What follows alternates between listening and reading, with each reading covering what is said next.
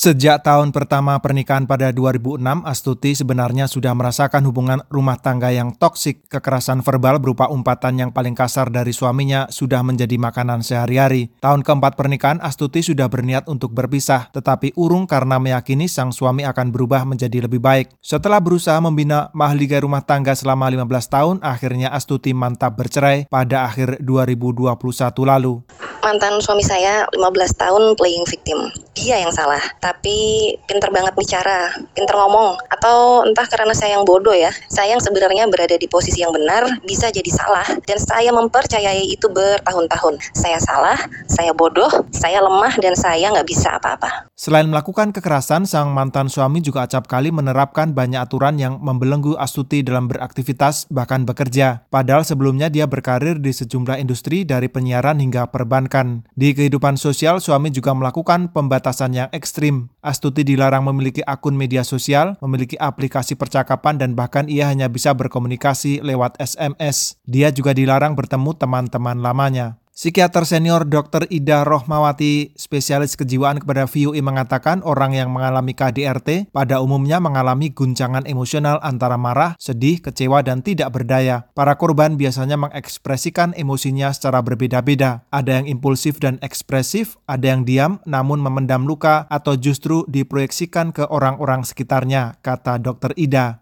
Pengalaman Nuryanti Dewi menangani kasus KDRT bisa membuka sudut pandang berbeda. Direktur Lembaga Bantuan Hukum Asosiasi Perempuan Indonesia untuk Keadilan atau LBH APIK Nusa Tenggara Barat pernah mendampingi tujuh perempuan korban KDRT sekaligus melakukan wawancara mendalam kepada mereka. Dari empat responden saya, mereka berpisah. Dari yang ketiganya masih tetap berlanjut dengan ketabahan, tetapi dengan kondisi ekonomi yang apa kita tidak, tidak tahu ya apakah dia akan di situ juga banyak kekerasan diterima, tapi bisa bisa bertahan.